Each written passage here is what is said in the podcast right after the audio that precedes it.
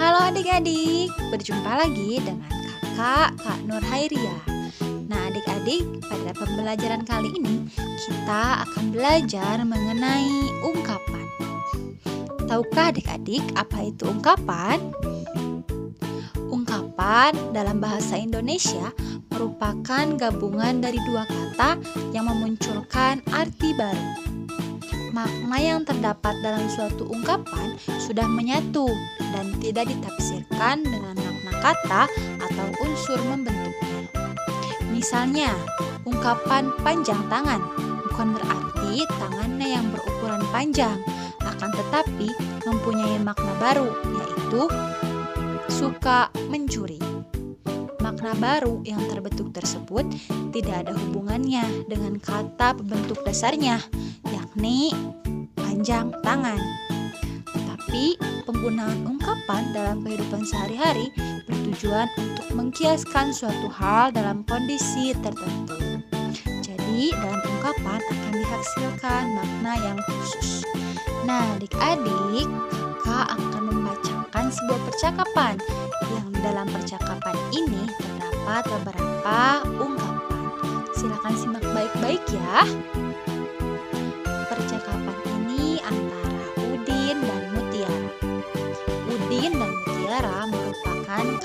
Adik yang rukun di rumah. Suatu ketika, Udin berkunjung ke kamar Kak Mutiara.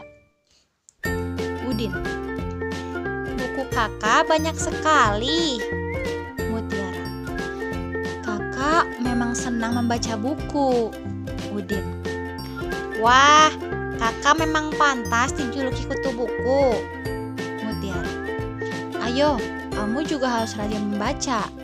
Ini ada buku cerita bagus, judulnya Bintang Lapangan. Udin.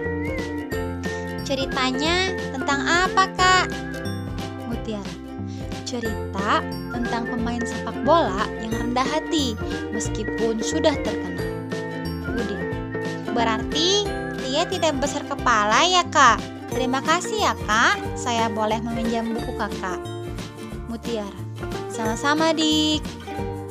Nah, adik-adik, kalian sudah menyimak mengenai percakapan antara Udin dan Mutiara. Coba di dalam percakapan ini kita dapat menemukan ada beberapa ungkapan. Yang pertama, yakni kutu buku. Kutu buku artinya orang yang suka membaca buku. Yang kedua, yakni bintang lapangan. Lapangan artinya orang yang sangat pandai berolahraga misalnya sepak bola atau di lapangan. Kemudian yang ketiga ada rendah hati. Rendah hati artinya baik dan tidak sombong. Kemudian yang terakhir ada besar kepala, yakni artinya sombong. Nah, adik-adik, kalian sudah Nah, adik-adik, kalian telah mengetahui ya berbagai macam ungkapan.